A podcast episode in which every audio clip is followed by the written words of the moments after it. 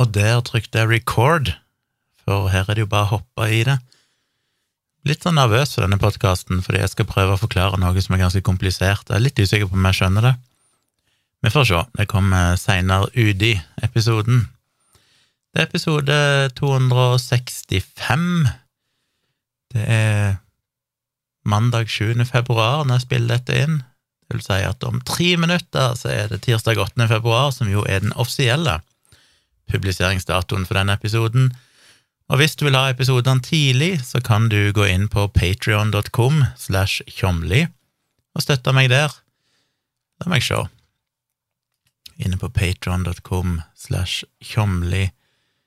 Hva er det vi finner der? Der er det nå um, La meg se min egen side som en public page. 60 kroner i måneden koster det hvis du vil bli en Tjommi S. Og da får du denne podkasten tidlig, det vil si du får den så fort jeg har spilt den inn. Det vil som regel til at den dukker opp eh, i løpet av natta, og da har du den tidlig på morgenen hvis du vil høre den på vei til jobb eller et eller annet sånt.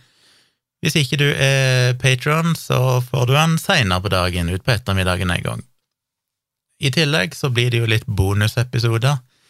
Jeg skal ha iallfall to episoder i nær fremtid der jeg skal intervjue noen, eller snakke med noen, i en livestream som blir eksklusiv for patrions, og så dukker han vel kanskje opp på YouTube og som podkast med én eller to ukes forsinkelse. Men vil du se det live og eventuelt delta i praten mens jeg har de samtalene, så kan du bli patrion for å få med deg sånt. Så 60 kroner i måneden, altså. Ca. to kroner om dagen. Da får du tidlig episode og reklamefri episode. Så hvis du irriterer deg over reklame i podkast, så kan du slippe det ved å bli Patrion. Du kan òg bli en Tjommi M, som koster 125 kroner i måneden, og da får du i tillegg tilgang til foredrag jeg har lagt ut, og litt annet eh, innhold. Og hvis du blir Tjommi L, large, for 250 kroner i måneden, så får du enda mer godis. Se hva du får. Ja, du får blant annet ei gratis signert bok. Så hvis du blir en tjommi L, så sender jeg rett og slett en bok i posten. Og det er noen eh, nye tjommi L-er. Veldig fint om dere sender meg en melding inne på, på innboksen her og bare minner meg på at dere skal ha ei bok, for det, av og til så kan det gå i glemmeboka, den andre boka. Men uh, gjør gjerne det. Så ja, patron.com slash tjomli, så er det nevnt. Um, jeg har vært Ja, hva er det vi har gjort? Vi må starte med litt sånn dagbok, må vi ikke det? Jeg har, vi var en liten tur på Tonstad i helge, det vil si bare fra fredag til lørdag. Jeg måtte jo en tur opp og sette opp noen nye greier på serverrommet som er på Tonstad. Jeg har jo drevet datafirma nå siden 1999, og i jeg tror det var kanskje rundt 2000 eller sånn, så fikk vi ta i bruk et tidligere bomberom i et sånn næringsbygg som er midt i Tonstad sentrum. Eh, vi fikk gjort det om til et serverrom. Og historikken der er jo at eh, Ja, jeg skal ikke gå gjennom hele historikken, men eh, den aktøren som i dag er hovedaksjonær i firmaet mitt, er et selskap som heter Fokus næringsselskap. Og det er egentlig et par-tre ildsjeler som i alle år siden 90-tallet har, drevet et sånn næringsbygg og prøvd å skape plass for uh, gjerne nyoppstarta bedrifter og sånn, til å få kontorplass og, og dele på felles tjenester og sånn, for å gjøre, gjøre ting billigere. Og grunnen til at dette Fokus er rett og slett fordi det bygget tidligere var Fokusbank. Da jeg var helt liten, så het det vel Rogalandsbanken, men så ble det til Fokusbank, som vel nå, så vidt jeg vet, ikke eksisterer lenger, for det er vel nå SR-Bank, tror jeg. Sparebank1 SR-Bank, ikke det det som tidligere var Fokusbank? Jeg er ikke helt sikker. Men fordi dette lokalet da opprinnelig var et banklokale, så er det jo sikkert som banken, og ingenting er bedre enn det når du skal ha et serverrom. Så der er de blant annet et hvelv nede i kjelleren, som jo er litt morsomt. Det er jo, som du ser i i filmer med innbruddstyver som skal bryte seg inn i hvelvet. Det er en svær, tung dør med et sånn hjul du må rotere på for å åpne opp. Eh, men på sida av det hvelvet så er det jo et bomberom som på det tidspunktet. Jeg tror det var obligatorisk, eller påbudt, var det ikke det? For noen tiår siden at du måtte ha bomberom i enkelte bygg. Jeg vet ikke helt hva som var kriteriene. Men det var i hvert fall et bomberom, så det er jo sånn halvmeter tjukke betongvegger og ei tung ståldør. Eh, og opprinnelig var det vel noe sånn ventilasjonsgreie der, i tilfelle det var gassangrep eller sånne ting. Så et ganske så robust rom som vi da tok over. Det er ikke så stort, det er vel, ja, skal jeg tippe, 15-20 kvadrat eller noe sånt. Eh, vi tok over det, la et sånn antistatisk gulvbelegg som kan være nyttig når du skal håndtere elektroniske komponenter, som er gjorde. Vi installerte et skikkelig ventilasjonssystem som sviver den dag i dag, som jeg ble litt overraska når jeg var der, for det er nemlig ikke så ofte noen er der nede lenger. Så det I gamle dager, fram til 2010, da jeg flytta til Oslo, så holdt jeg jo til i det bygget sjøl, og på det meste så var vi jo mange ansatte, og leide en kvart omtrent av hele det bygget til bare firmaet mitt. Vi hadde jo da det serverrommet som vi var nede i hyppig. Vi drev jo med webposting blant annet, og hadde mange rack med webservere og hadde et par tusen kunder rundt om i hele landet.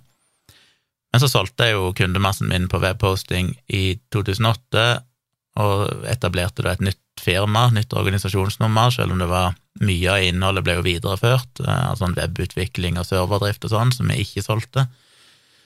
Eh, ja, samme det, vet ikke hvorfor jeg begynner å snakke om det.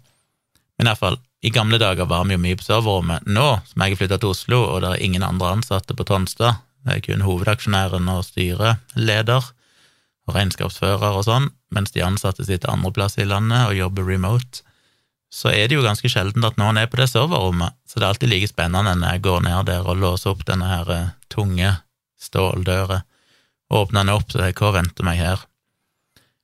Litt redd for at jeg skal finne et skjelett, at noen har blitt stengt inne der, og så bare ligger det et eller annet eh, råtna lik på gulvet fra noen som i desperasjon har klort seg, klort seg til blods på veggene. Heldigvis vant jeg ikke det. Men eh, et godt ventilasjonsanlegg for å holde temperaturen nede, og det var viktig, for når vi hadde tonn med servere Vi fikk jo installert sånn, jeg kan så lite om det der, sånn gigantisk, massiv strømkontakt eh, som er kobla til en gigantisk UPS, sånn batteribackup som fulgte et halvt rekk, og leverte strøm til alle serverne. Det er ganske heftig opplegg der inne, så er vi jo fiber inne og sånn, med ja, raskt nett og full pakke. Nå fremstår det nesten litt overkill, for etter vi slutta med webposting, så har vi egentlig bare ett stusslig rekk der inne, med noen servere som vi bruker sjøl. Men jeg måtte ned der, da, og gjøre en liten jobb, og det føles jo alltid litt sånn det er litt sånn flashback, og det er utrolig hvor mye jeg har ikke glemt, men hvor mye av det som ikke lenger føles naturlig for meg, fordi 15 år siden så bygde jeg jo PC-er nesten daglig, på å si, og drev og skrudde inn og ut komponenter og oppgraderte servere, av veldig mye den type jobbing. Nå er det lenge siden jeg ikke åpna både en server eller en, en PC. Så jeg husker for et par, tre, fire, fem år siden så skulle jeg ned og så skulle jeg putte inn noen nye disker i en eller annen server, og det var sånn shit, hvordan gjør jeg dette her? Det var ting som var så enkelt før i tid. Det plutselig jeg litt av mine gamle kunnskaper. Men jeg måtte iallfall innom der. Det var så relativt fort gjort å få kobla opp det.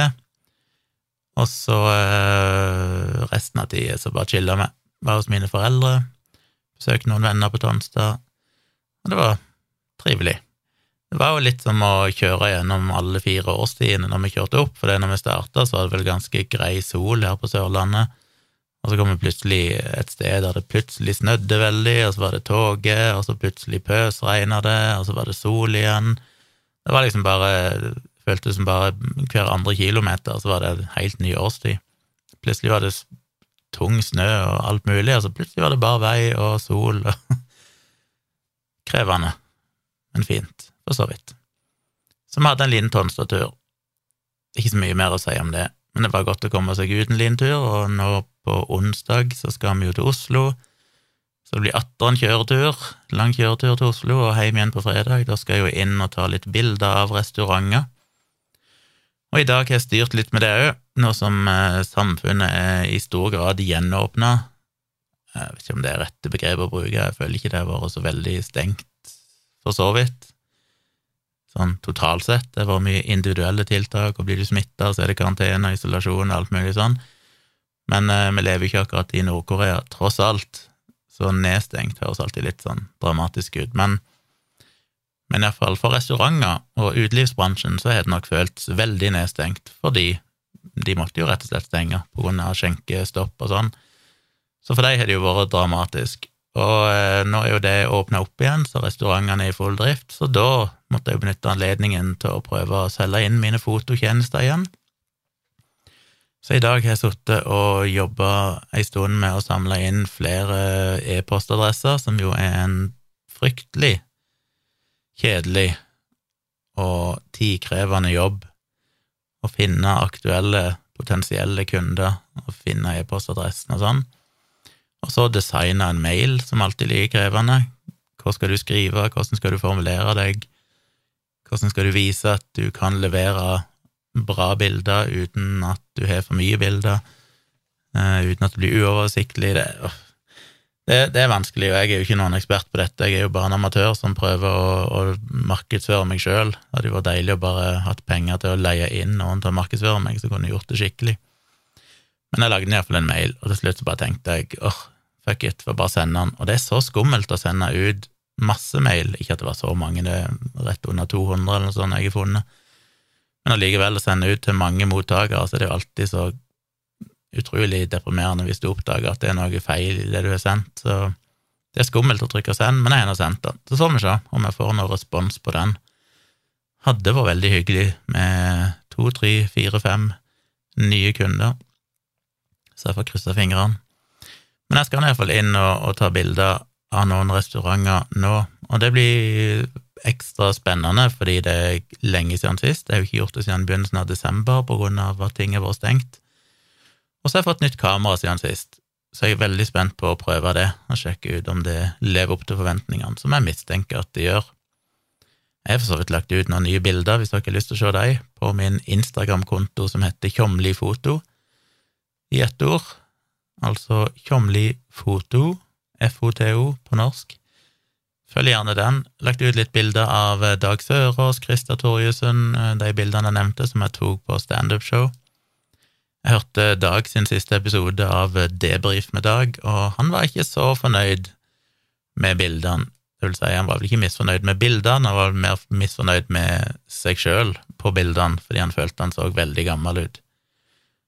Og jeg eh, Ja.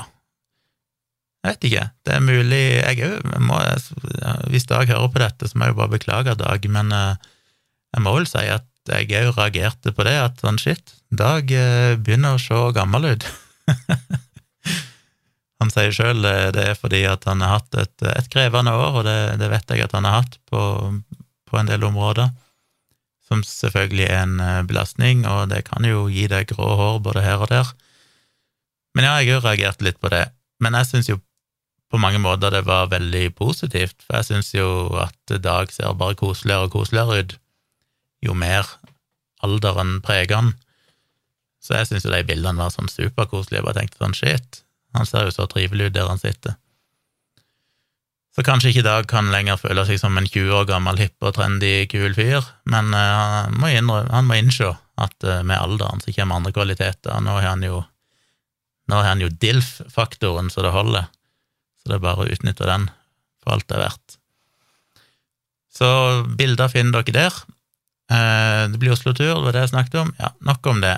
Jeg skal fortelle mer om det når vi er tilbake igjen. Det blir vel en forsinka episode, da, for siden jeg er i Oslo på torsdag, da jeg normalt spiller inn fredagsepisoden. Så får vi se om jeg får pushe ut en ekstra episode i løpet av helga, eller om jeg må bare skippe neste, og da kommer Da blir det ei uke til neste episode. Det overlever dere nok. Så kjører jeg òg en livestream nå i kveld, altså tirsdag kveld, så følg gjerne med på den inne på YouTube-kanalen min, Tvilsomt med Tjomli. Den heter jo Tomprat live, og starter vel klokka elleve som han pleier. Så eh, løp inn på YouTube klokka 11 i kveld, altså tirsdag 8. februar, og få med dere livestreamen. Enten dere bare vil være passive seere, som jeg ikke vet er der, eller dere vil delta i livechatten med spørsmål og kommentarer og alt mulig sånn, som vi gjør, og har gjort i over et år nå.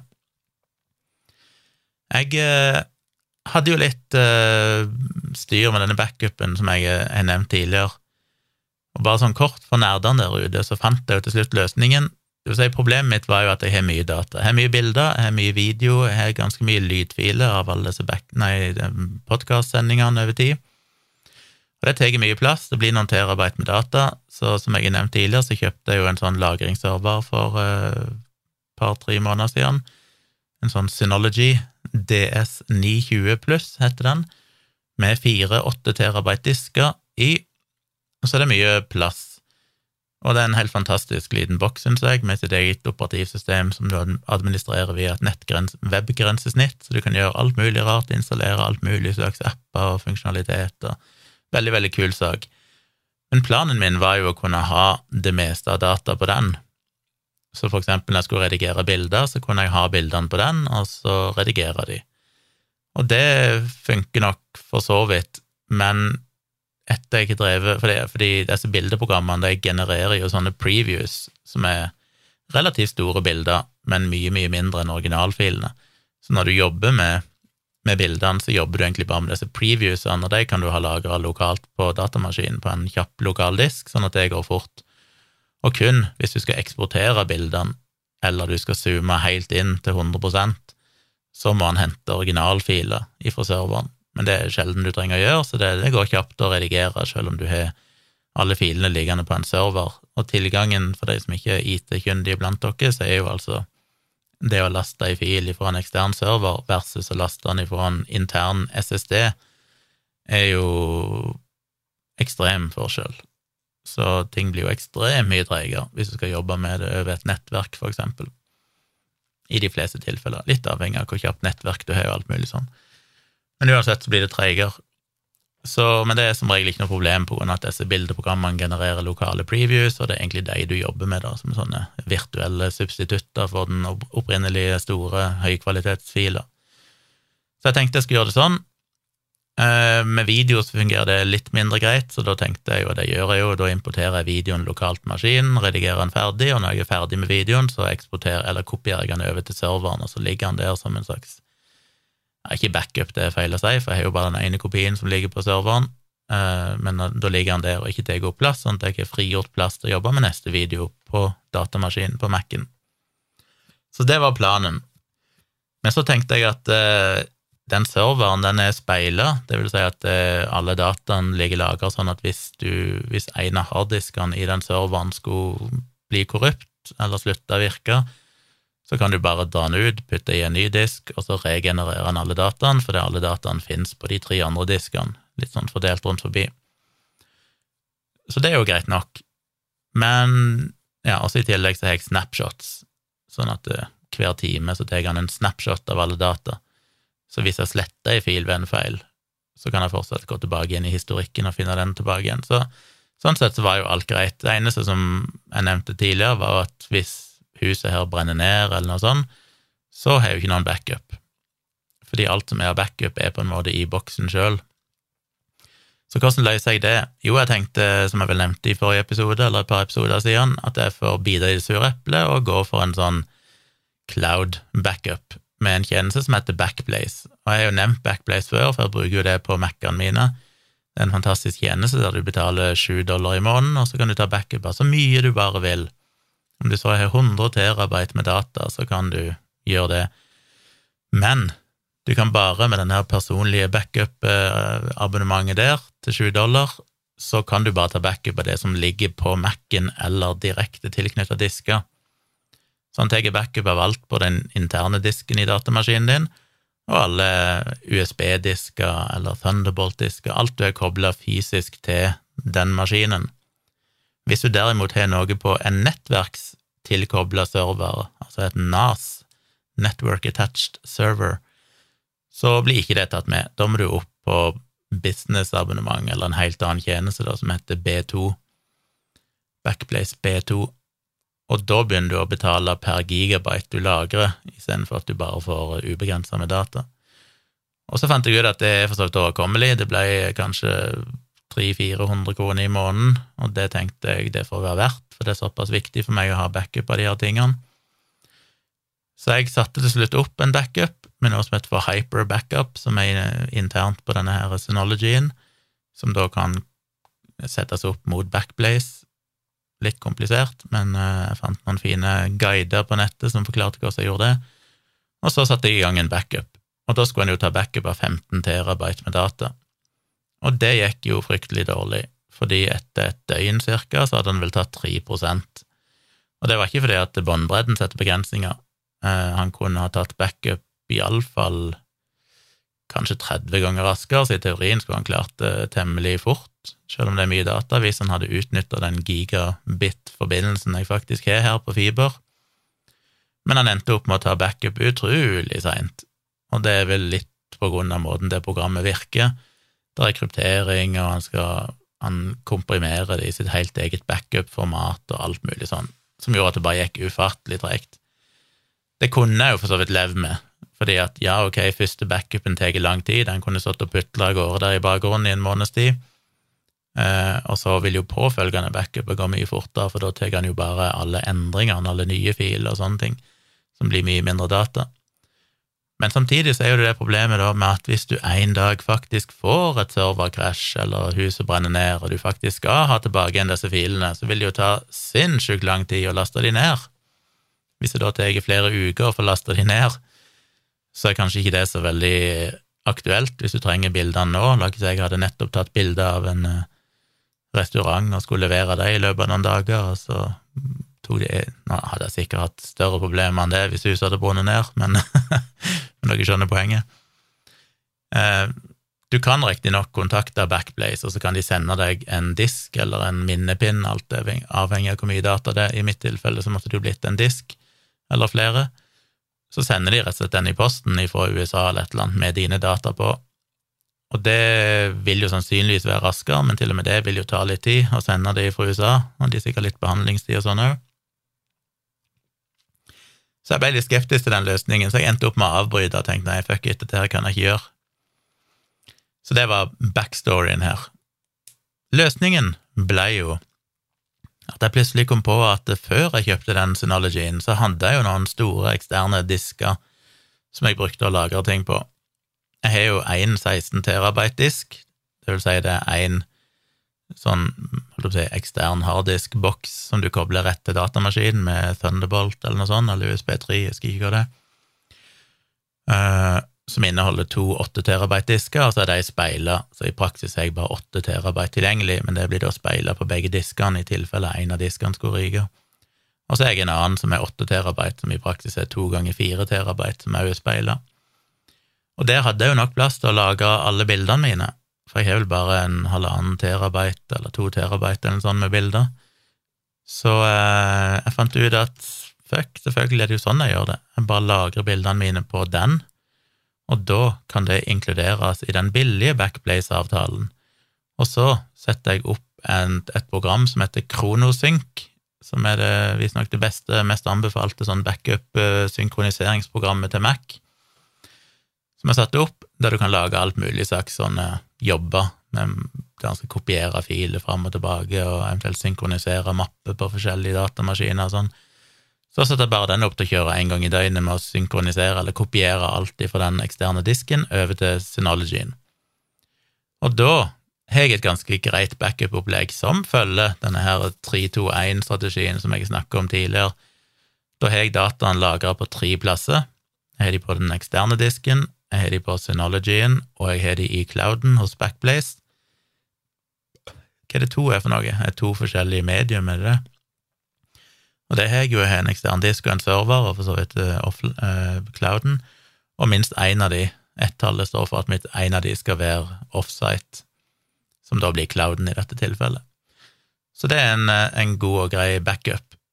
Jeg får jo selvfølgelig fortsatt problemet med at hvis huset brenner ned, så kan det ta lang tid å få hente ut dataene fra clouden, men det er jo ekstremtilfellet. Det fine er jo at hvis jeg fucker opp et eller annet på den eksterne disken, så har jeg fortsatt en kopi på Synologyen, som jo tross alt er i huset mitt, og der jeg kan fort hente ut dataen. Og der er de i tillegg lagra i mange generasjoner da, med snapshots, så det I praksis så har jeg jo etter hvert mange titalls eller hundretalls kopier av data bakover i tid, så det er godt sikra. Så det ble løsningen min, og kan være tips til andre der ute som har slitt med det samme.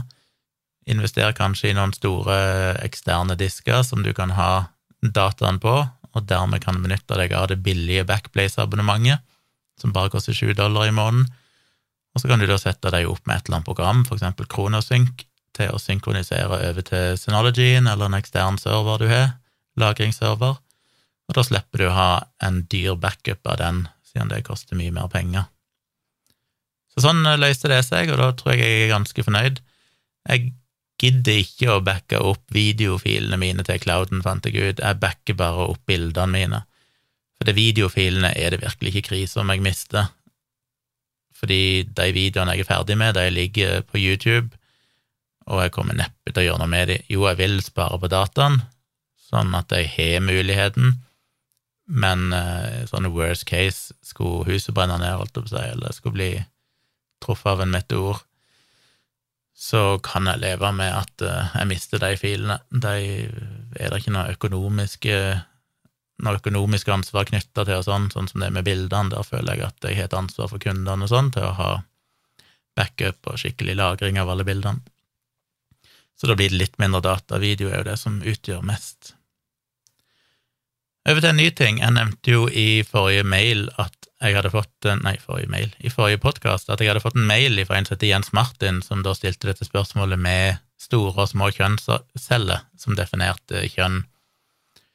Jeg skal ikke gjenoppta den diskusjonen, anten å påpeke at uh, jeg føler jeg kanskje var litt urettferdig med Jens Martin, fordi jeg nevnte jo at han hadde sendt mailen og tok opp dette poenget, og så satte jeg i gang med en rant om kjønnsceller, uten å presisere at Jens Martin At det jeg sa, ikke var rett ment som kritikk av det Jens Martin skrev, for han skrev veldig, et par veldig hyggelige mailer med kildehenvisninger og sånn som en bør gjøre når en sender mail, begrunne sine argumenter og har kilder og sånne ting.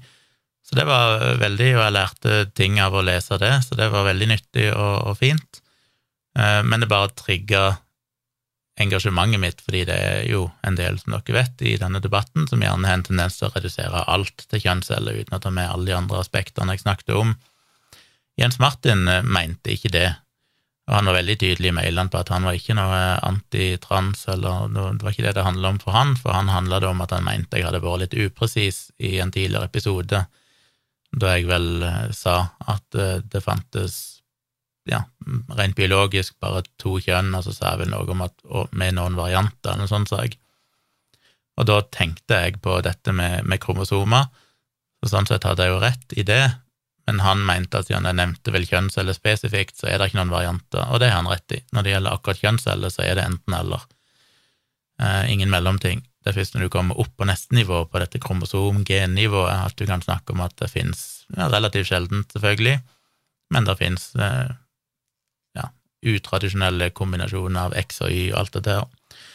Så la meg bare presisere det, så ikke jeg ga inntrykk av at Jens Martin, uten at jeg sa hele navnet hans, men hvis noen visste hvem det var, så mente jeg ikke å, å, å henge ut han for det, på urettmessig grunnlag. Jeg har òg fått eh, resultatet av eh, mensattesten min, og det vet jeg jo der er noen der ute som har vært nysgjerrig på. Jeg har jo blitt spurt i livestream og sånn om jeg eh, Ja, en som spurte hva tror du du kommer til å få på mensattesten? Det visste jeg jo selvfølgelig ikke, men som jeg sa i den podkastepisoden jeg spilte inn, som vel var samme kvelden etter jeg hadde tatt testen, så følte jeg jo at det gikk ganske bra. Jeg sa vel at jeg følte jeg fikk svart på alle spørsmålene, alle de 45 oppgavene. Skulle gjerne hatt en 20-30 sekunder til på den siste, for der ble plutselig tida avbrutt mens jeg satt og tenkte, og så måtte jeg bare krysse av på et eller annet. Eh, men at jeg ellers følte meg ganske trygg på at jeg faktisk hadde roen på det, at jeg følte at eh, det jeg svarte, det kunne jeg holdt opp til å argumentere for hvorfor jeg svarte, mens jeg tidligere, når jeg har tatt de testene, inklusiv da jeg tok eh, denne hjemmetesten til Mensa på, i den videoen som ligger ute på YouTube-kanalen min, så gikk jeg jo tom for tid og måtte bare tippe på de siste, og det var sikkert litt fordi jeg satt og forklarte og snakka underveis, men òg fordi jeg sikkert disponerte tid for dårlig.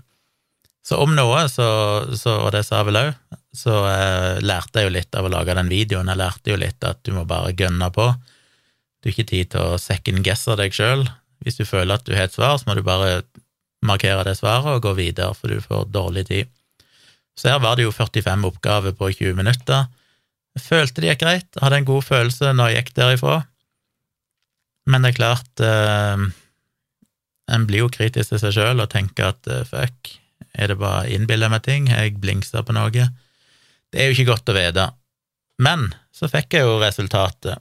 Det fikk jeg eh, Jeg gjennomførte vel testen på en uh, torsdag, gjorde ikke det? Så fikk jeg vel fred, eh, resultatet fredagen etterpå, så det tok rett over ei uke. Uh, og der står det test, ja, det er sånn uh, fint diplom ifra Mensa Norge, der det står navnet mitt og fødselsdato. Så står det testresultat. Kontrollert test avholdt 2022 01 27. 27. januar. Og det var en såkalt figure reasoning test, form A, som visstnok tydeligvis er navnet på testen. Og der står det at jeg hadde 44 av 45 rett. Og det var jo i tråd med det jeg følte. Selvfølgelig så kan det jo være svart og rett på den siste, og at den ene jeg hadde feil, var en annen. Det vet jeg jo ikke. Men jeg, det var liksom det jeg hadde følelsen av, at med unntak av den siste, så følte jeg at jeg skjønte alle oppgavene og visste at det jeg svarte, nok var rett. Og det gir da en IQ, står det, som er større eller lik 135. Og det er jo eh, greia med denne testen, og det sa de jo på testen òg, at denne testen kan bare måle til å eh, opp til 99. persentil. Så hvis du scorer høyere enn 99% av befolkningen, så kan ikke testen måle det lenger. Så derfor står det større eller lik 135. For 135 tilsvarer da 99. persentil, men men det kan være høyere. Eh, kan sikkert være lavere òg, for det er usikkerheter i dette her. Så, så det står navnet på de som har kontrollert og bedømt testen min, og så står det 'Dette er innenfor befolkningens høyeste 1% godkjent for medlemskap i Mensa International', signert av administrasjonsleder i Mensa Norge. Så det var jo kult, for så vidt, at eh, jeg ikke bare kom inn for den 2% som er kravet for å kunne søke om medlemskap i Mensa, men faktisk i den øverste prosenten. Selvfølgelig litt kjipt å få et såpass usikkert resultat i form av at jeg Det høres jo veldig cocky ut, da, men at jeg i gåsehud sprengte skalaen. At jeg fikk et resultat som er bedre enn det testen kan måle, og dermed så vet de ikke, de vet bare at det er 135 eller mer men om det er 136 eller 145, vet vi jo ikke.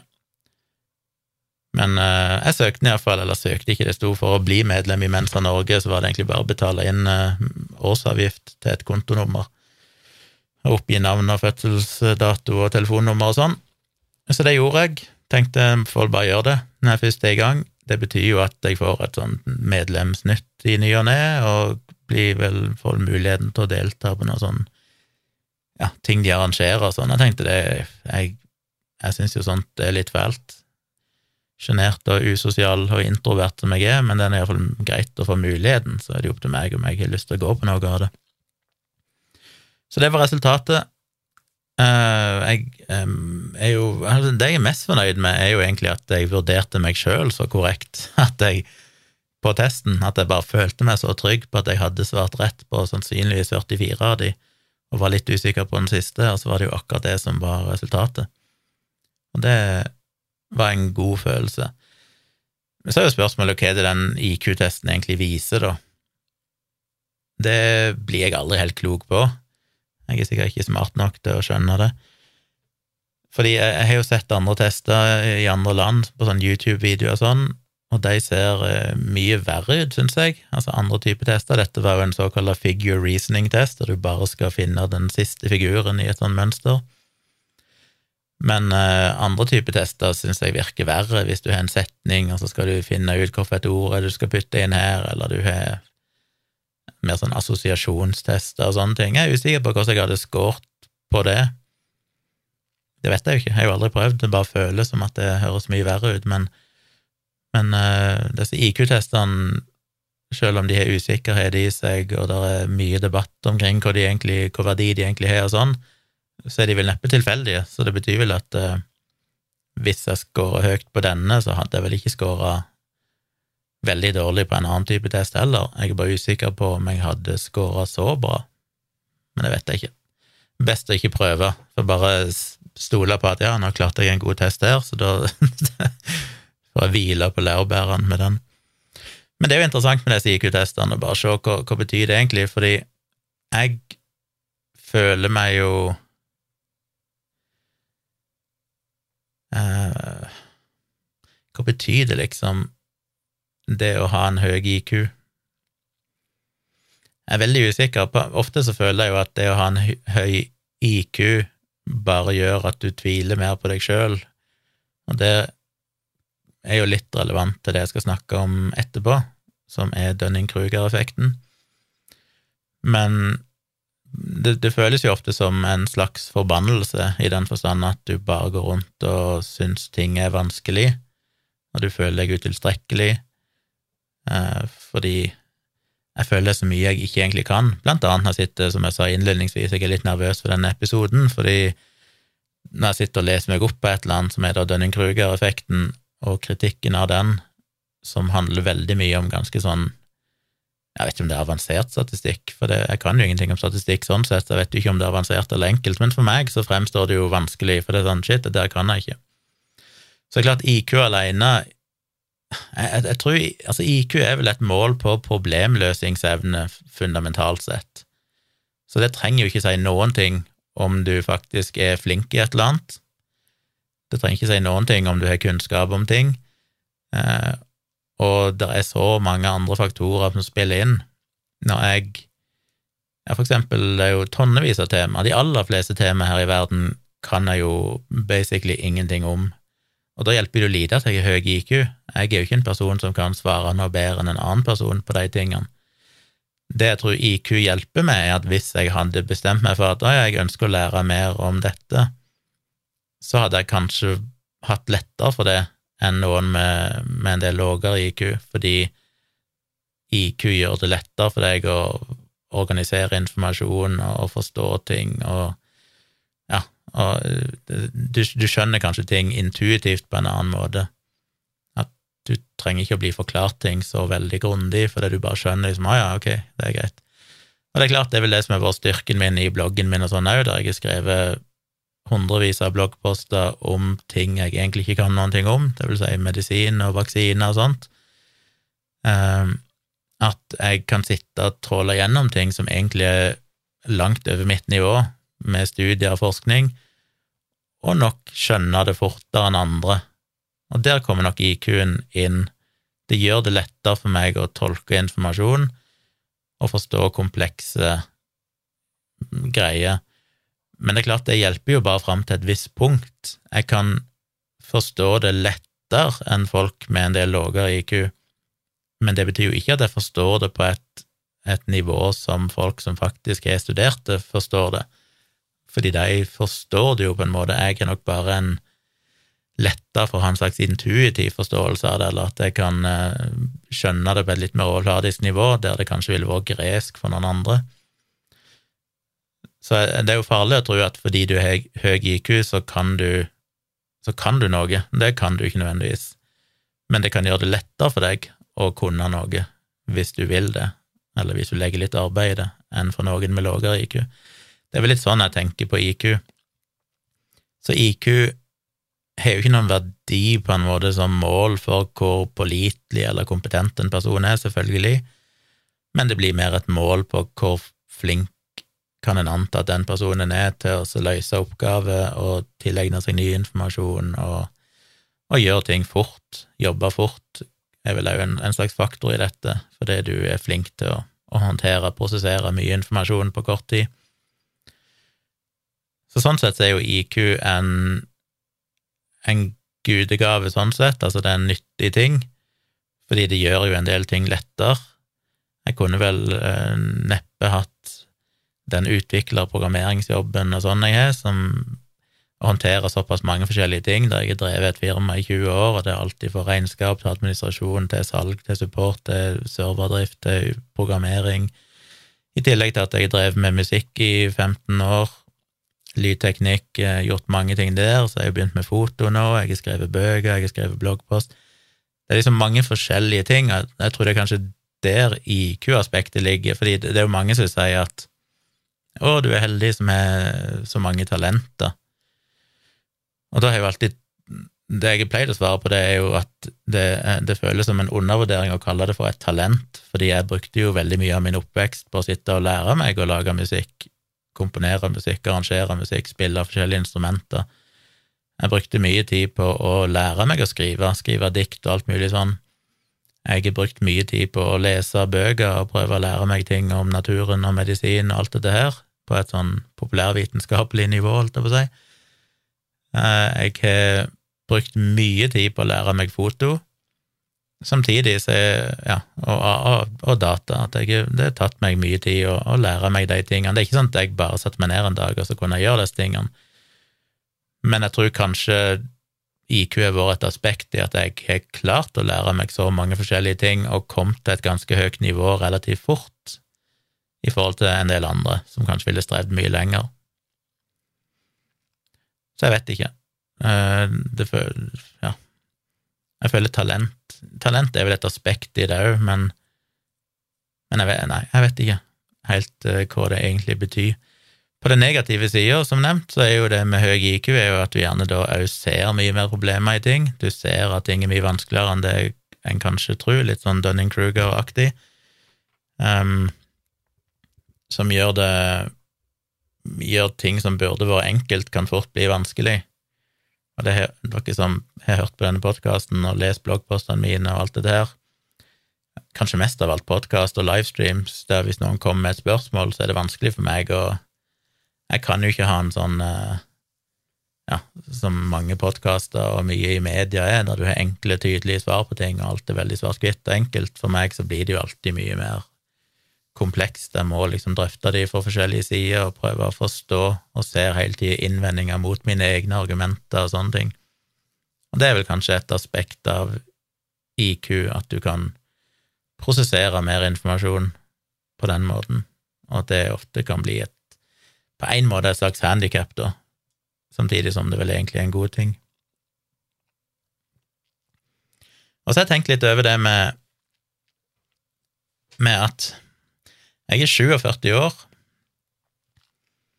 Så tar jeg en IQ-test og ser at uh, ok, jeg er i, i Det er alltid så kleint å snakke om det her. Men nå snakker jeg om dette i kontekst av den IQ-testen, så dere får ta det som det. Ifølge IQ-testen så er jeg i den øverste persentilen av befolkningen, så det vil si at hvis jeg er i et, eh, et rom med 100 personer, så er jeg alene om å være den smarteste, holdt jeg å si. Det var en dårlig sammenligning.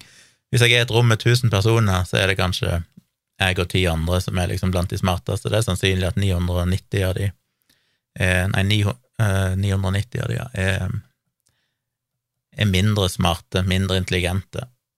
Og det er klart, det er jo Det er jo sånn sett en god ting, men hvis en sammenligner det med idrett, hvis jeg var den raskeste, jeg var den øverste persentilen i å springe 60-meteren fort, så tror jeg mange hadde syntes det var ganske imponerende. Hvis jeg var i den øverste persentilen som fotballspiller, som eh, skiskytter, så får du mye heder og ære.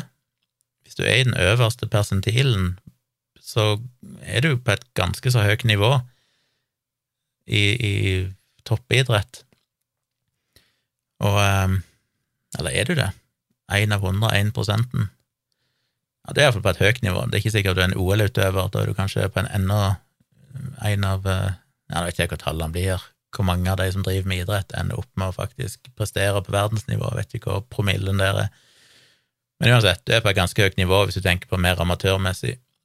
Eh, lokal fotball, lokal skigåing.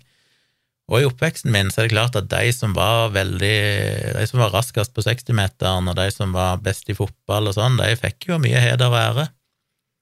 og det var utmerkelser. Det er jo, det er jo liksom en hel, en hel uh, kultur rundt dette med idrett. Du har prisutdelinger, du har medaljer, du har lister. Det er så mye utmerkelser og påskjønnelser til folk som presterer bra på alle disse områdene. Men det er jo litt rart at det å være blant de med høyest IQ på en måte går litt sånn ubemerka hen. Ja, selvfølgelig så kunne en få skryt av og til hvis du fikk en god karakter eller gode karakterer, men, men det er jo ikke noe du blir hylla for på den måten. Og tvert imot så vet jeg jo det er mange som nok ble eh, tvert imot kanskje mobba, eller at det ble sett ned på omtrent, og så gjør det veldig godt. Og det er litt sånn rart å tenke på at jeg, jeg har jo visst at jeg fikk gode karakterer, selvfølgelig, men jeg har aldri egentlig våget å tenke det med at det betyr at jeg er veldig smart. Fordi det er liksom ikke lov. Og du har jo ikke fått noen utmerkelser eller medaljer for det opp gjennom livet ditt, spesielt i oppveksten i ungdomsårene, når det kanskje betyr mest. Så det, det, føles litt rart for meg å være 47 år og så ta denne mensattesten og så oppdage at å ja, ok, så da har jeg på en måte et papir på at jeg er ganske smart. Fordi det har jeg vel ikke helt turt, og jo, altså selvfølgelig så det, Jeg skjønner at jeg nok var over snittet, jeg skjønner at jeg var ikke under 100 i IQ, men jeg har aldri helt visst om det å bare Jeg var som de folk flest, eller om jeg faktisk var smartere enn det. Jeg synes bare det er litt interessant å reflektere over hvilke sånne belønningsmekanismer som eksisterer i oppveksten, at det er en ting du egentlig ikke kan snakke om og gjøre noe ut av. På en måte så er jo selvfølgelig det rett, med tanke på alt det jeg sa tidligere, med at det, det er jo ikke noen indikator på hvor, hvor ja, kunnskapsrik du er, eller hvor rett du kommer til å ha, eller noen ting sånn. Um, men det er jo en målestokk som er nyttig på en del områder. Det er vel ikke noe tvil, tror jeg, om at folk som søker folk til å utføre mange typer jobber, vil få mer effektive arbeidere hvis de ansetter folk med høy IQ, fordi de ofte er raskere problemløsere og sånne ting. Samtidig så er det jo komplekst, fordi sånne personer kan òg ha andre negative sider ved seg, enten det handler om hvordan du er personlighetsmessig, eller andre laster du måtte ha som kanskje gjør deg dårlig egnet på, på, andre måter. Så selvfølgelig så er ikke noe sånn clear cut, men, men eh, IQ blir jo brukt som et mål i en del sammenhenger nettopp fordi at iallfall for en del type jobber så er det klart at har du høy IQ, så vil du nok kunne utføre jobben din vesentlig bedre, eksempel innenfor IT og programmering og sånne ting, som er veldig sånn prosesseringsaktige jobber der du trenger å håndtere mye informasjon, og du trenger å kalkulere ting raskt og, og lære deg nye ting veldig fort, og alt dette her. Så det er jo en nyttig egenskap, og samtidig så ah, etter faen hva jeg vil med dette her. Jeg syns det er vanskelig, og jeg vet liksom ikke helt hva jeg kan bruke det til. Som jeg sa da jeg forklarte hvorfor jeg ikke hadde tatt en IQ-test før, selv om mange hadde sagt at jeg burde gjøre det, så er det jo nettopp det. Hva kan du gjøre med det? Jeg kan liksom ikke gå rundt og skrive i Tinder-profilen min eller på CV-en min at ja, Mensa-medlem. Det er litt sånn so what? Det betyr ikke at du er noe bedre menneske eller noe mer trivelig menneske av den grunn. Så hva kan jeg egentlig gjøre? Så for min del så blir det mer sånn ja, når jeg har tatt testen, jeg må vel prøve, selv om jeg syns det er vanskelig, å, å akseptere at ok, jeg jeg er kanskje smart, og kanskje jeg må våge å stole mer på meg sjøl. og det er vel det det koker ned til med hele den testen, at jeg er så forbanna selvkritisk at jeg i enhver diskusjon alltid tenker at jeg er sikkert feil. Det er sikkert den andre som er rett, og jeg er komplett idiot, og hva er det jeg ikke skjønner her, og jeg burde tatt uh, høyere utdanning og lært meg om disse tingene. Men kanskje jeg må våge å stole litt på at uh, jeg er jo ikke så dum. Jeg må vel jeg må tørre å tro på meg sjøl. Jeg har liksom et papir på at ok, jeg er blant den øverste prosenten i IQ. Dermed er det kanskje betyr selvfølgelig ikke at jeg er rett på noen som måte, men det betyr at jeg må ikke anta at jeg er den dummeste i enhver diskusjon, som jeg har en tendens til å gjøre. Så ja, jeg eh, det er mulig jeg kommer tilbake til, til dette når ting er Når jeg får dvelt litt ved disse spørsmålene. Og hvis dere har noen tanker om det, så vil jeg jo gjerne høre ifra dere. Send det på tompratpodkast.gmail.com. at gmail.com. Veldig interessert i å høre om dere har noen tanker om IQ, hva det betyr, eh, hva resultatet mitt eventuelt måtte bety, hvordan jeg bør tenke på det. Alle innspill kan være nyttige på den fronten. Så nok om det. Jeg må òg ta en liten oppfølger til forrige episode. Da snakket jeg jo om denne metaanalysen om lockdown, at det da visstnok ikke hadde hatt noen betydelig effekt, knapt nok noen, på dødelighet. Og jeg eh, føler på en måte jeg gjorde en dårlig jobb i forrige episode. Jeg var nok kanskje for lite kritisk til denne metaanalysen, fordi etter jeg slapp min episode, så dukka det jo plutselig opp en del kritikk av nettopp denne metaanalysen. Ja, kanskje noe kom før òg, men jeg fikk det ikke med meg før etterpå, iallfall. Og eh, det er jo noen ting å ta tak i der. Det første er jo hvem er de forskerne som faktisk sto bak denne studien, og det var jo det første jeg tenkte på når jeg så denne studien, fordi jeg så de kom ifra ja, Det ble jo sagt at de kom på Johns Hopkins eh, University, og så tenkte jeg, for det er min intuitive skepsis til sånne type ting, vil jo alltid tilsi at hvem er det som står bak denne, er dette folk som er objektive? Og så leste jeg noe om de, og så tenkte jeg at dette her hørtes jo veldig sånn Er dette typisk folk som er anti-lockdown, libertarianere, et eller annet sånt? Men så gikk jeg aldri videre inn i det, for jeg hadde dårlig tid, som jeg sa sist. Jeg måtte jo bare pløye gjennom dette og så prøve å få sagt noe om det i podkasten og derfor så gikk jeg ikke videre på det sporet. Det angrer jeg jo litt på når jeg ser at det har vært mye av kritikken her. At det er blitt fremstilt som en John Hopkins study, og John Hopkins University er liksom eh, en høy status. I realiteten så er det jo tre forskere, der én av de er en professor ved Johns Hopkins University, men de to andre er jo en danske og en svenske, som ikke har noe med det å gjøre. Og det står jo i sjølve teksten at dette er ikke en John Hopkins study. Det er, de skriver 'Views expressed in each working paper' Nei, vent litt. Jo. Are those of the authors and not necessarily those of the institutions that the authors are affiliated with. Og dette var jo såkalt en working paper, så det vil si han er jo heller ikke fagfellevurdert eller noen ting sånn.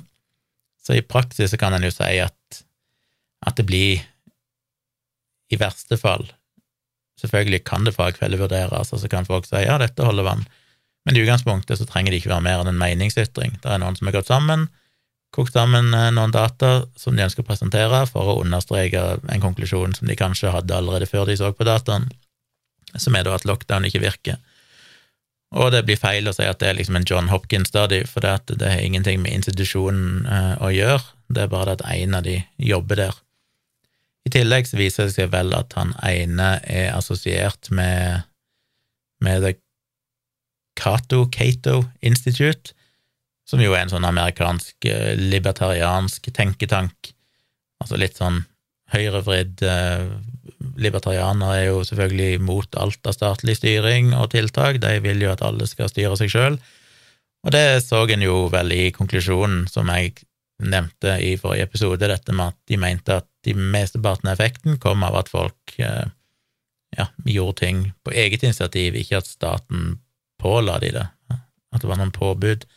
Så det rimer jo veldig med den, det livssynet eller den politiske retningen som disse folkene da tilhører, iallfall han ene hovedforfatteren. Så var det vel òg det at disse folkene var jobba innenfor økonomi, det var ikke epidemiologer. Og som eh, en kritisk artikkel her skriver, så er det jo det å bruke folk som jobber innenfor økonomi, til å utføre en, en metaanalyse innenfor epidemiologi, det er jo litt som å spørre din egen uh, nyrelege om å komme med noen økonomisk vurdering av økonomi, eller verdensøkonomien, eller et eller annet sånt. Hvis jeg snur på det, så høres det jo fort mye mer håpløst ut, men av en eller annen grunn så tror jeg vi tillater mye mer at folk Eller vi tillater det jo ikke rent så vitenskapelig, men, men i kulturen blant folk, så har vi mye mindre kritisk sans for at folk som jobber innenfor mm, IT, eller hva det måtte være, eh, kommer med studier som sier et eller annet om medisin, enn vi har med det motsatte. Vi vil kanskje vært mer skeptiske hvis en eller annen person som var professor i et eller annet innenfor medisin, plutselig skal uttale seg om økonomi eller et eller annet annet. Så det er jo noe av kritikken. I tillegg så er det jo vært mye kritikk av måten de valgte ut studiene på, at de, dette var jo en systematisk eh, litteraturgjennomgang og metaanalyse, men de mener jo at de kanskje ikke var helt redelige, at de endte opp med å plukke ut bare de studiene som egentlig støtter opp under konklusjonen deres, og kanskje til og med ikke det, at de da vektla enkelte studier mye mer enn andre. Jeg var jo litt innom det i forrige episode, dette med at de hadde kokt det ned fra flere tusen studier til bare 34, som da egentlig ble bare 24, for plutselig forsvant noen av de. Og så sa jeg vel det, at eh, resultatene sprikte jo i alle retninger. Noen fant stor effekt, noen fant liten effekt. Og så er det vel vår kritikk da av at det virker litt absurd, måten de har prøvd å lage et slags gjennomsnitt. Husker ikke hvor tydelig jeg var på det i min episode sist, at jeg òg vel nevnte at det kanskje ble en vanskelig øvelse å gjøre men at det fremstår som litt absurd, spesielt når noen av studiene har sett på nøyaktig de samme dataene og brukt forskjellige metoder for å komme fram til resultater innenfor forskjellige områder, og så du, lager du et gjennomsnitt av deg igjen som blir egentlig helt meningsløst. Uh, så det har vært mye kritikk. og Jeg skal lenke til iallfall én artikkel, kanskje to, i shownotes som drøfter det så dere kan lese mer om det hvis dere vil. Igjen så er jo blant annet han som jeg alltid nevner, Gideon Mayer Witz Cutts, han er health nerd på Twitter, eller GidMK, som er Twitter-handelen hans. Han er jo sitert i den ene artikkelen her, for han er jo som vanlig, han er jo epidemiolog, og var jo tidlig ute da og gikk gjennom en del kritiske ting med denne metaanalysen. Så jeg vil jo fortsatt si at litt av konklusjonen min fra forrige episode står, som er at sånn jeg tolker den metaanalysen, så sier de jo egentlig at det faktisk eh, har vært ganske store effekter av nettopp disse tiltakene, men de mener at hvis du sammenligner effekten av tiltak som folk gjør basert på budskap om at det er en pandemi, med effekten av det folk gjør fordi de blir påbudt så finner de liten forskjell. Og som jeg sa i slutten av eh, når jeg snakket om dette sist, så betyr jo det at det betyr ikke at tiltakene ikke virker. Det betyr bare at det å påby tiltakene kanskje ikke er så effektivt, fordi folk stort sett gjør disse tingene på eget initiativ. Det er nok kanskje òg en litt for velvillig tolkning, hvis all den kritikken her eh, stemmer. Kanskje det, disse påbudene er viktigere enn det denne metaanalysen faktisk tilsier så er jo ganske komplekst, av mye av den kritikken som er kommet. da. Um, ikke alltid like lett å forstå og krever ganske mye tid å sette seg inn i, så dere får gjøre det hvis dere vil. Men uh, takeaway-poenget er vel bare at uh, den metaanalysen åpenbart må tas med en veldig stor klype salt, og neppe er noe spiker i kisten for ideen om at uh, disse tiltakene har vært nødvendige. Og det beste eksempelet der er vel Norge versus Sverige der Sverige har såpass mye høyere dødelighet enn Norge. Og vi har hatt ganske forskjellige tiltak.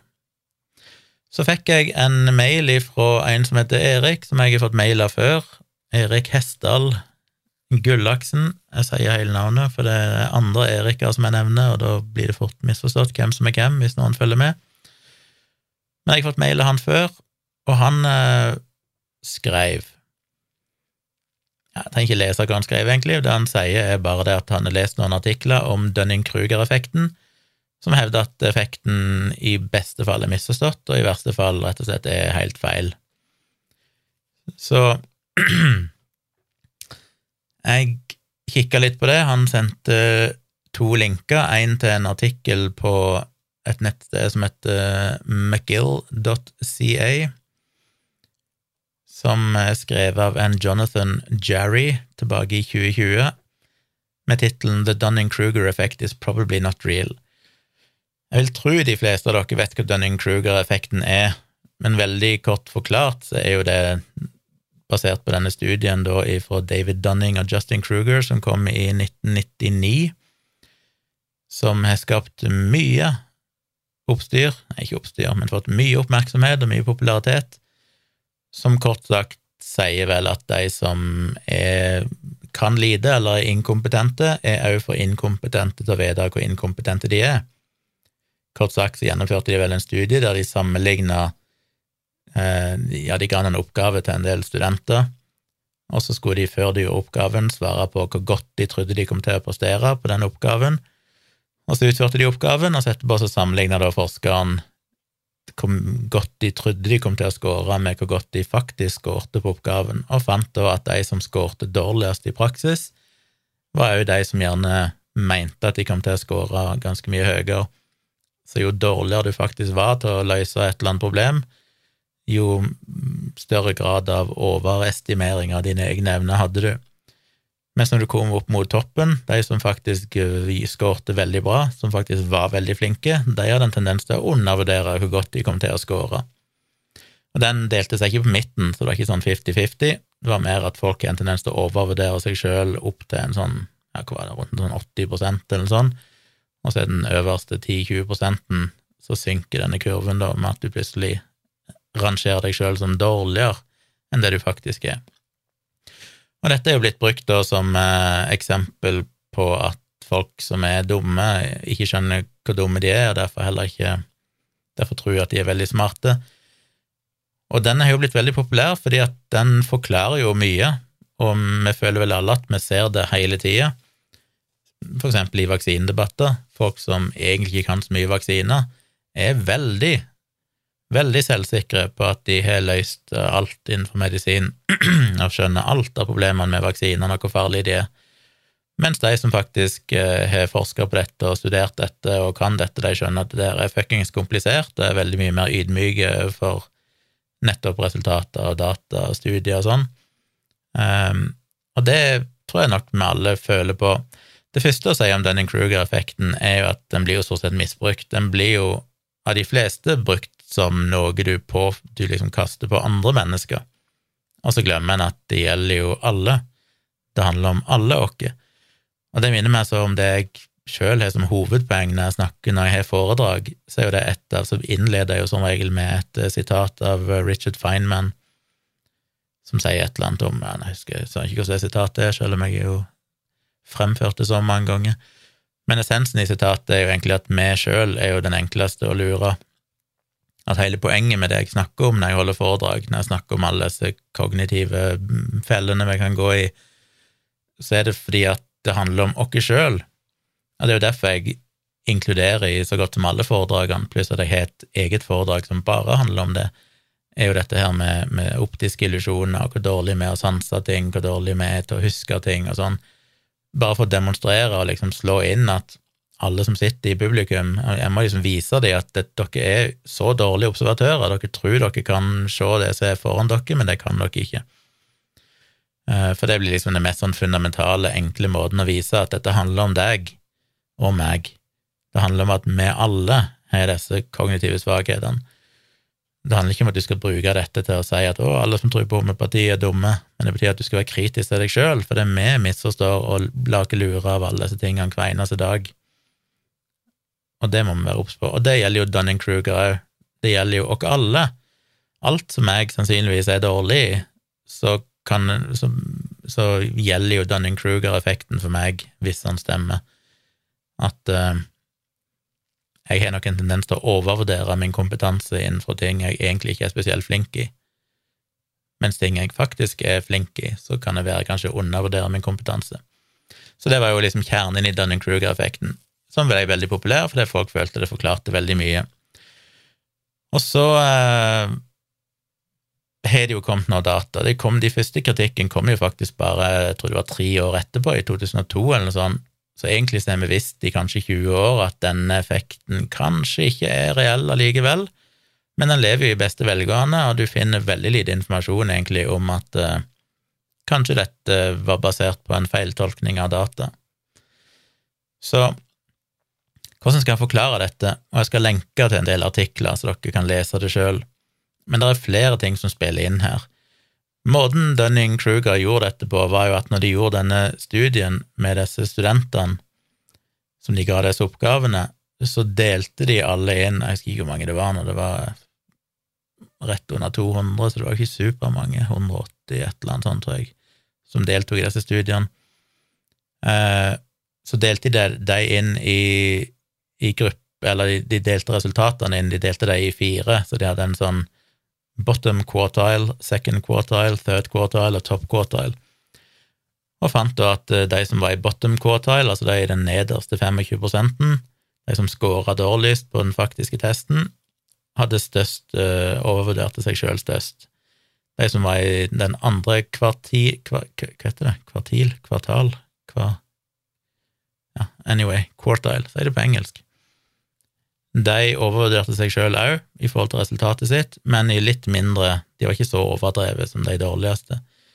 Når du kom på den tredje, så begynte det å nærme seg. De overvurderte seg sjøl litt, men det lå ganske mye nærmere den faktiske resultatet. Og når du kom på den øverste 25 eh, av de som altså scora i topp 25% på disse oppgavene, de hadde en tendens til å faktisk undervurdere seg sjøl litt. Så denne grafen, denne 45 graders skråstreken som går ifra de dårligste til de beste, eh, i de faktiske resultatene, den blir da kryssa av en annen graf som er mye mer flat, og som krysser da i overgangen mellom den tredje og den fjerde 25 på topp.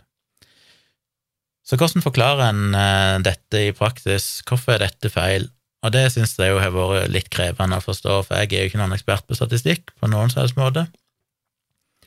Men det ser ut til å være flere ting, og jeg har lest flere artikler om dette nå, og det er jo fortsatt litt uenighet. Noen mener at selv om kritikken er legitim, så mener de at det faktisk allikevel ser ut til å være en Dunning-Kruger-effekt her. Andre mener at du kan forklare denne effekten basert på helt andre ting. Og jeg, den beste artikkelen jeg fant, oppsummerte egentlig mange av disse poengene, og jeg tror det er kanskje er tre-fire forskjellige mekanismer som spiller inn her. Den første, som var den sånn rent statistiske, som kanskje er litt sånn krevende å forstå, og, og, kanskje det er litt vanskelig når jeg forklarer det, selv om jeg tror kanskje jeg skal klare å forklare det noenlunde forståelig, det er jo det at uh, hvis du deler opp disse resultatene i fire grupper, ifra de dårligste til de beste, så er det jo sånn at alle som blir spurt, kan jo enten overvurdere seg sjøl, eller de kan undervurdere seg sjøl. Altså hvis du sier på denne testen så kan du score ifra 0 til 100, hva tror du at du kommer til å score? Og så gir de da et resultat. Problemet med det er jo det at de som faktisk er dårligst, de kan jo ikke si at jo, jeg tror jeg kommer til å score minus 10, fordi du kan jo ikke score lavere enn null. Så de kan bare overvurdere seg sjøl eller svare riktig. De kan si ja, jeg kommer til å score null, fordi, og så er det det de ender opp med å score.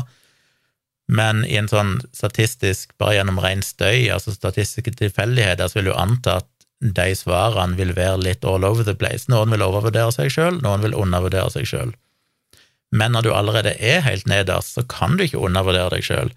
Ergo så vil du kun få positive resultater, altså en, en overvurdering, for der fins ikke noen, noe undervurdering. Tilsvarende får du jo helt øverst de som faktisk er veldig dyktige og regner med at de kommer til å score, klare den oppgaven veldig bra, og kanskje score opp mot 100% de kan jo heller ikke overvurdere seg sjøl, for de kan jo ikke si jo, jeg kommer til å score 110 poeng på en test du bare kan få maks 100 på. Så det eneste de kan gjøre, er å enten si riktig eller undervurdere seg sjøl.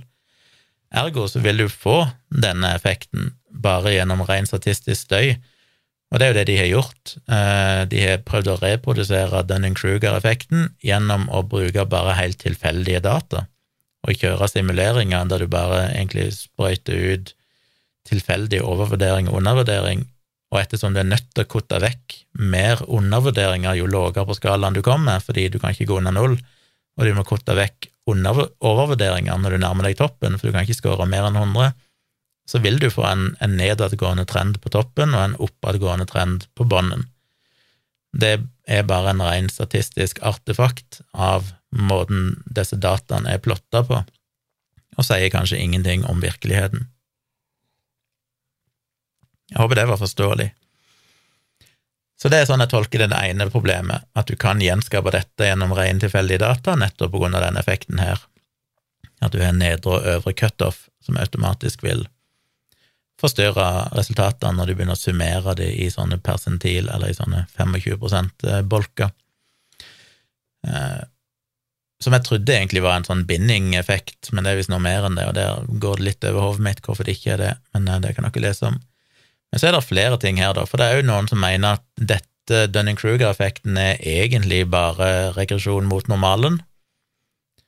Det vil si at ting har en tendens til å bevege seg mot medianen, eller mot gjennomsnittet, eventuelt. Eh, jeg bruker jo mye det i boken min Placebo-defekten, for det forklarer jo det aller meste av det folk kaller for placeboeffekt, det er jo egentlig bare regresjon mot normalen. Hvis du eh, har hodepine og tar en eller annen tablett, og så blir du bedre fem timer etterpå, eller to timer etterpå, så vil du kanskje tenke at det var tabletten som gjorde det. Hvis det er en Paracet eller Ibux, e så er det kanskje det. Hvis du derimot får en homeopatisk tablett, så er det sannsynligvis ikke det. Og så vil folk si at ja, ja, men det er fortsatt en placeboeffekt. Det at du tok medisinen, gjør at du tror det virker, og dermed så får du mindre hodepine. Det vil være en del av effekten i noen tilfeller, og det er jo den reelle placeboeffekten, men en mye større del er jo bare det at du sannsynligvis ble bedre av deg sjøl. Hodepine går over. De fleste symptomer svinger over tid. Du søker som regel hjelp når du er på ditt verste, og når du er på ditt verste, så kan jo ting bare bli bedre, med mindre du bedre. Så det er jo regresjon mot normalen, som har en tendens til å vurdere ting eller vurderinger har en tendens til å trekkes mot et gjennomsnitt, sånn at hvis du har en sånn gjennomsnittskompetansenivå i befolkningen, så har folk en tendens til å, å estimere at sitt eget kompetansenivå ligger omtrent på gjennomsnittet av befolkningen. Altså du blir dratt mot det du observerer rundt deg. Du observerer rundt i debatter at folk har sånn og sånn kompetanse, og så føler du at der er du òg. Det er veldig få som tenker at eh, de skiller seg veldig fra normalen. Så derfor vil folk som er på en måte under gjennomsnittet, de vil tro at de er bedre, for de sammenligner seg sjøl mer med gjennomsnittet i befolkningen, estimerer seg sjøl til å ligge der, mens de som kanskje egentlig er veldig mye mer kompetente enn gjennomsnittet, de vil òg se på gjennomsnittet og føle at de hører hjemme der en plass. Så derfor vil de som er nederst på skalaen, bli dratt opp i sine vurderinger, og de som er øverst på skalaen, vil bli dratt ned i sine vurderinger. Og det kunne jo vært en forklaring på Dunning-Kruger-effekten, for da ville du fått en tilnærma lik kurve, der de nederste ville overvurdere seg sjøl, og de øverste ville undervurdere seg sjøl, gjennom en ren regresjon mot normalen. Men ettersom kurven ikke er helt lik på toppen og bunnen, det er liksom først i overgangen mellom tredje og fjerde eh, blokk på 25% at du får den der nedadgående trenden, så er det en eller annen forskyvning i dataen her. Effekten er tydeligvis ikke like stor opp og nede. Så dermed så forklarer nok ikke det alt. Men i tillegg så er det jo noen andre veletablerte nei, psykologiske effekter, og den ene er jo dette med bedre enn gjennomsnittet-effekten, som dere sikkert har hørt om, som jo det mest kjente eksempelet er vel at studie etter studie viser at hvis du ber folk estimere hvor flinke de er på et eller annet, eksempel å kjøre bil, så vil de aller fleste rangere seg som litt bedre enn gjennomsnittet. Og det kan jo ikke stemme, fordi gjennomsnittet per definisjon, eh, eller per definisjon, så må jo halvparten være under gjennomsnittet og halvparten over, men du får en forskyvning med at de fleste rangerer seg som litt over gjennomsnittlig gode til å kjøre bil. Og det gjelder jo fryktelig mange ting her i verden, med en tendens til å vurdere oss som litt bedre enn gjennomsnittet. Så noen mener jo at hvis du bare summerer denne regresjonen mot normalen, og den tendensen til at folk har en tendens til å òg rangere seg som litt bedre enn gjennomsnittet, så vil du få den forskyvningen i grafen som Dunning-Kruger, den mest kjente grafen i Dunning-Kruger-studien, viser. Um, men så er ikke sikkert det heller helt stemmer. Det er jo gjort en del andre studier som mener at Dunning-Kruger-effekten, for eksempel, så er det jo, som så en av, den, den, en av de første, sånn, eller mest kjente kritikken av Dunning-Kruger er jo en studie av Edward Nufer, som kom i 2016 eller 2017. Han var tilgjengelig i 2017, men jeg lurer på om han ble publisert i 2016 opprinnelig. Litt usikker. Rundt da, iallfall.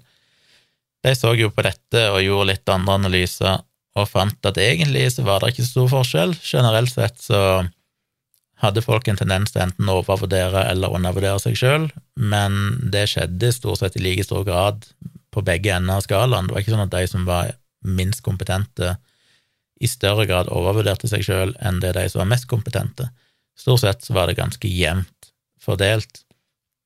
De fant allikevel at det var en, en, en liten det, altså det er noe som er korrekt i Dunning-Kruger, og det er at folk som faktisk var eksperter innenfor et felt, altså ikke bare selverklærte erklært eksperter, men sånn faktiske høyt kompetente folk innenfor et felt, de var som regel flinkere til å vurdere sine egne evner enn det amatører var.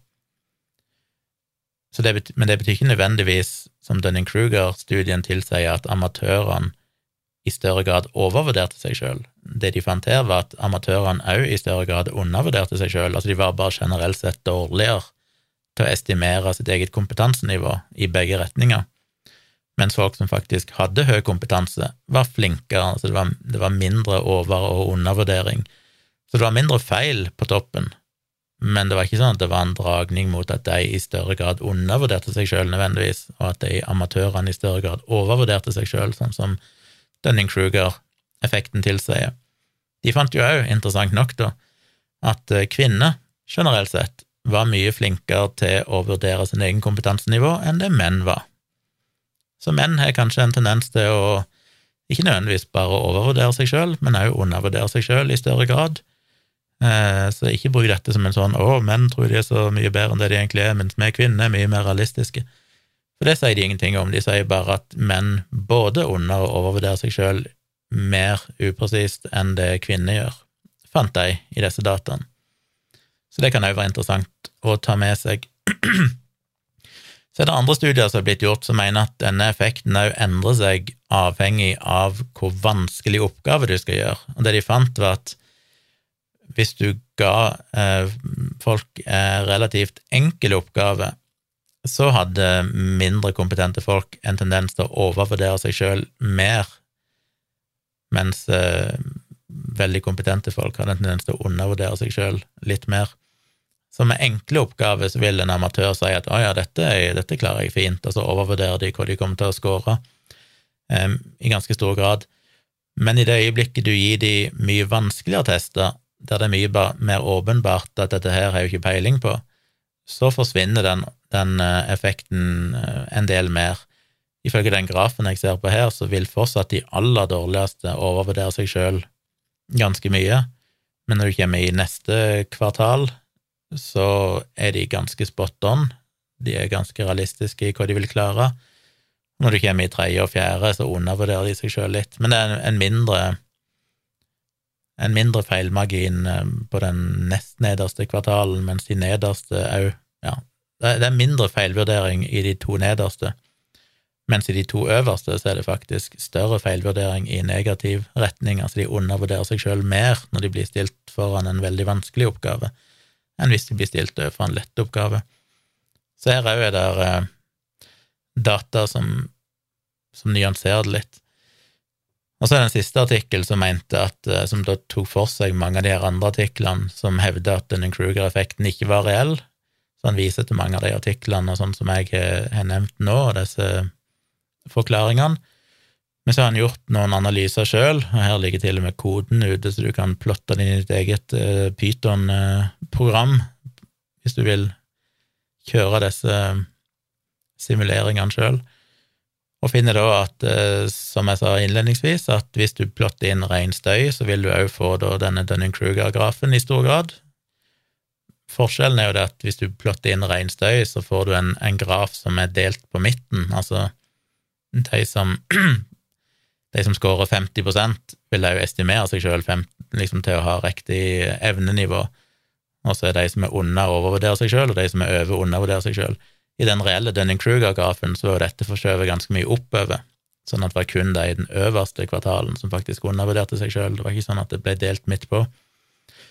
Eh, så hvis du plotter inn ren støy, så får du da i praksis samme grafen som Dunning-Kruger, men du trenger da denne forskyvningen opp mot toppen, og den mener han at denne her eh, effekten med at vi har en tendens til å rangere oss sjøl som over gjennomsnittet, forklarer. Så han mener at Dunning-Kruger ikke nødvendigvis er feil, men du kan ikke forklare det kun på grunnlag av Eller forklaringen mener han vel er feil, for egentlig så er effekten her ren tilfeldighet som genererer grafen i utgangspunktet, men så er det egentlig denne her tendensen vi har til å overvurdere oss sjøl alle sammen, som forskyver den, sånn at du ender opp med Dunning-Kruger-grafen.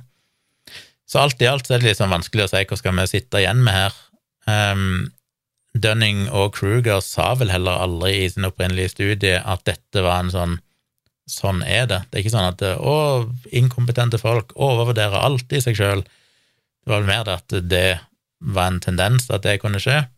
Så en må jo selvfølgelig ikke tolke dette for bastant. Eh, men det er forskjellige tolkninger av det. Og så er jo problemet med dette er jo at hvis en har lyst til å tro at Dunning-Kruger-effekten er reell, som jo jeg har, fordi det bekrefter jo så mye, så er det jo nettopp det at da faller det jo bare for en annen psykologisk effekt, som er bekreftelsesskeivhet, altså at vi har en tendens til å tro mer på det som gir mening, og vi har en tendens til å huske alle de gangene det stemmer, og glemme de gangene det ikke stemmer. Så hver gang du ser eh, Kari Jakkesson eller Chartersveien gå ut og være eksperter på eh, PCR-testing, så tenker en jo bare åh, dette her er jo bare klassisk Dunning-Kruger. Men det husker en jo, og det legger en merke til, og det tar en til seg, fordi at det bekrefter jo det en ønsker å tro. Men alle andre tilfeller, der det faktisk ikke ser ut til å stemme, alle de folkene som ikke er flinke på dette, men òg innrømmer det og ikke går ut med bastante uttalelser, de legger en jo som regel ikke merke til, for de lager ikke så mye lyd, og de utgjør nok flertallet. Så du bekrefter jo gjerne Dunning-Kruger basert på noen høylytte individer som du gjerne føler passer veldig godt inn i dette mønsteret, og så blir det en sånn selvbekreftende effekt basert på ren bekreftelsesskeivhet. Så det man jo være klar over, at når vi ønsker å forsvare Dunning-Kruger-effekten, selv om den kanskje muligens ikke er så tungt veiende som vi kanskje har lyst til å tro, så, er, så faller vi jo for en eh, våre egne kognitive biaser.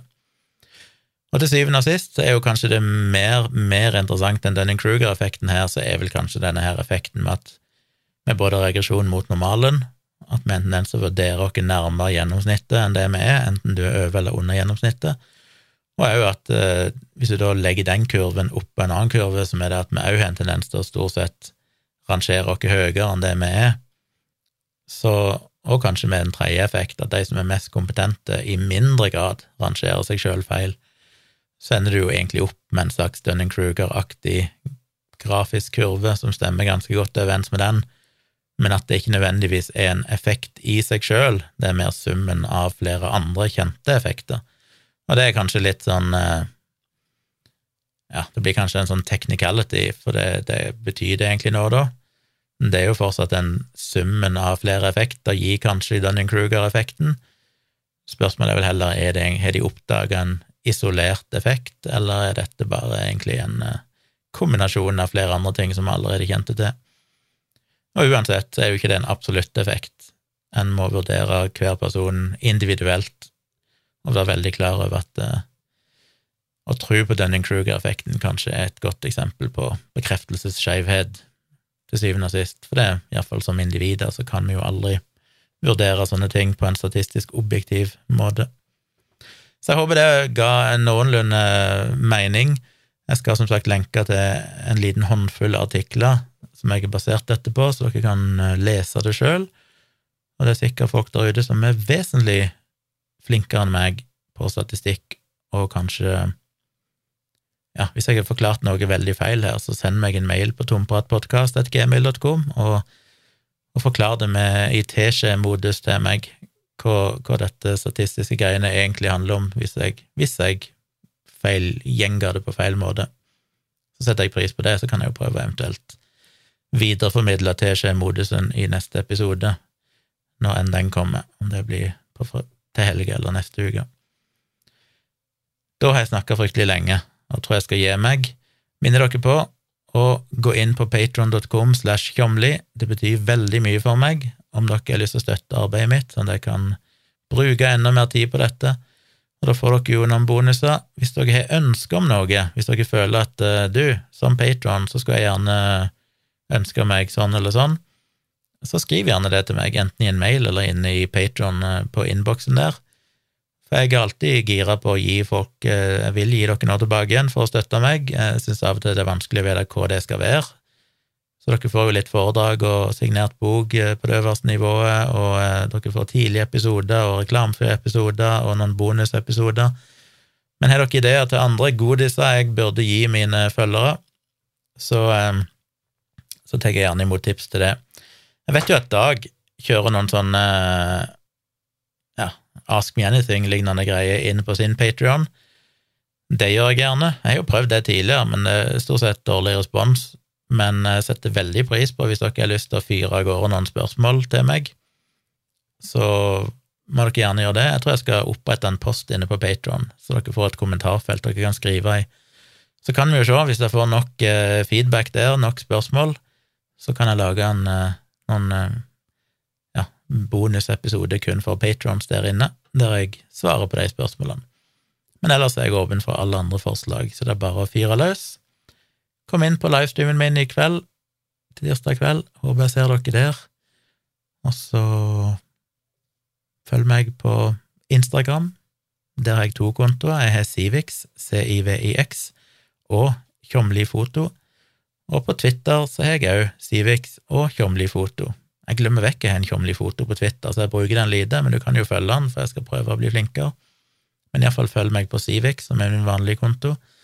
Trenger alltid flere følgere, syns det er vanskelig å få følgere. Jeg har mye følgere på Twitter, der har jeg vært lenge. På Instagram er det vanskelig å få følgere, syns jeg, så følg gjerne med der. Vi har òg kommet med en ny grusom episode i Virkelig grusomt-podkasten vår. Den eh, er virkelig jævlig, så sjekk gjerne ut den podkasten, Virkelig grusomt, der vi altså hver uke, meg og Tone, forteller grusomme historier for virkeligheten. Og så sjekk gjerne ut YouTube-kanalen til Tone, for hun har lagt ut en ny video ifra turen vår i sommer. Vi hadde jo en liten roadtrip oppover Vestlandet, må vi vel si. Og det ble en veldig fin video der hun viser litt av den turen, og det kommer flere. Vi hadde jo en eh, Vi kjørte vel rundt det i noen dager, og hun har lagd en video per dag omtrent. Så den syns jeg ble såpass kul at jeg har veldig lyst til at dere skal se den. Så gå inn på Tone Sabro på YouTube og sjekk ut videoen hennes. Gi han gjerne en like og en kommentar hvis dere syns det var hyggelig. Så kan dere jo se litt av eh, min sommer. Så regner jeg med at til sommeren igjen så kommer jeg sikkert til å lage flere videoer som dokumenterer hva vi gjør. Jeg skal prøve å bli flinkere på det. Jeg er jo litt inspirert til det for tida. Det var vel alt for i dag, så da håper jeg dere vil eh, dele denne podkasten med alle dere kjenner, tipse andre om det. Send meg mail, Patron, YouTube, alt det der, så høres vi igjen i neste episode.